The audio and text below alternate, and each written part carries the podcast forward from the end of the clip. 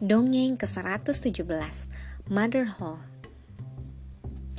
There was once a widow who had a daughter and a stepdaughter. Her daughter was ugly and lazy, while her stepdaughter was pretty and hardworking. However, though the woman loved her own daughter more. She was cruel to her stepdaughter and made her do all the hardest jobs around the house while her daughter took it easy. One day, the stepdaughter was made to work at spinning wheel until her fingers bled. A drop of blood fell on the shuttle, and the girl hurried to the well to wash it off. As she dipped the shuttle in the water, it slipped from her hand and fell to the bottom. How frightened the girl was! She didn't dare return to home without the shuttle, for she knew her stepfather would beat her. She also knew she might die if she jumped into the well to try to fetch it. But she decided that this was what she was to. She took a deep breath and jumped in.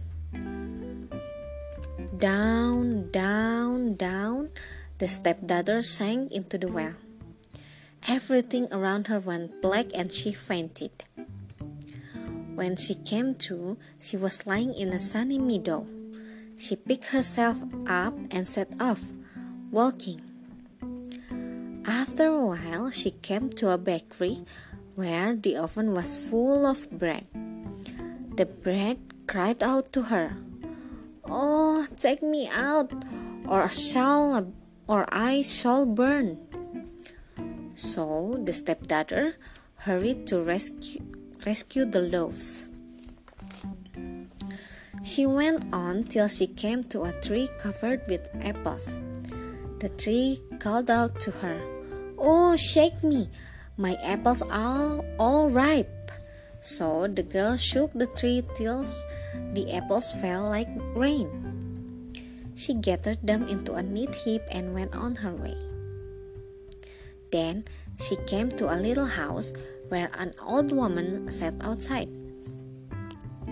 The old woman had such large teeth that the girl was frightened and was about to run away. But the old woman called out to her, don't be afraid, dear child. Stay with me, and if you do all the work in the house properly, you will be rewarded.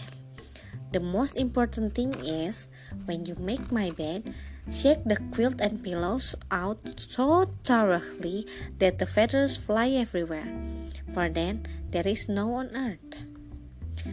The old woman seemed very kind, so the girl took courage and agreed to stay with her. She worked hard and every day she remembered to shake the quilt and pillow so hard that the feathers flew about like snowflakes. The old woman, whose name was Mother Holle, was always nice to her and made sure she was comfortable. Time passed. The girl was happier with Mother Holle than she had been with her stepmother, but she still missed her home. Mother Holle understood. Of course, you miss home, my dear, she said. I will take you there myself. She led the girl to a large door, and as the girl walked through the doorway, a shower of gold pieces fell on her. They stuck all over, so she was completely covered with gold. That is your reward for working so hard, Mother Holle explained. She handed the girl the shuttle that had fallen into the well, and the door swung shut. To the girl's astonishment, she found herself close to her house. She hurried inside at once. Her stepmother and stepsister were delighted to see her, because, of course, she was covered with gold. The girl explained everything that had happened. Right, you go and get yourself covered in gold too, the greedy widow ordered her ugly, lazy daughter. The woman took a thorn and pricked her daughter's finger with it. She let a drop of blood fall into a spinning wheel shuttle. Then she threw the shuttle into the well and pushed her, and pushed her daughter in after it. Down, down, down. The ugly, lazy girl sank into the well. She too fainted. And when she awoke, like her stepsister, she was lying in the meadow.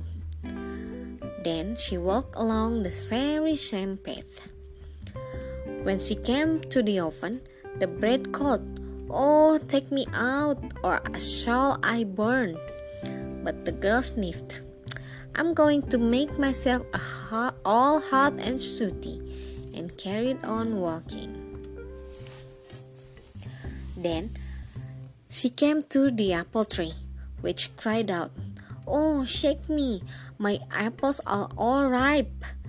But she answered, Not likely. Apples might apples might, might fall on my head and carried on walking. When she came to Mother Holle's house, she agreed to work for her for her straight away. The first day she toiled hard, thinking about all the gold that she would get. But by the second day she started to be her usual lazy. On the third day, she hardly worked at all, and on the fourth day, she refused to get off the bed. Then Mother Holle was fed up and told her to go home. The girl was very pleased, for she thought it was time for her to be covered with gold. But as but as she stood beneath the doorway, a shower of thick, gooey black tar poured all over her. That's your reward, said Mother Holle, and shut the door. So the girl went home covered all over with tar, and it was so sticky she couldn't get it off as long as she lived. Sekian, terima kasih telah mendengarkan. Selamat malam.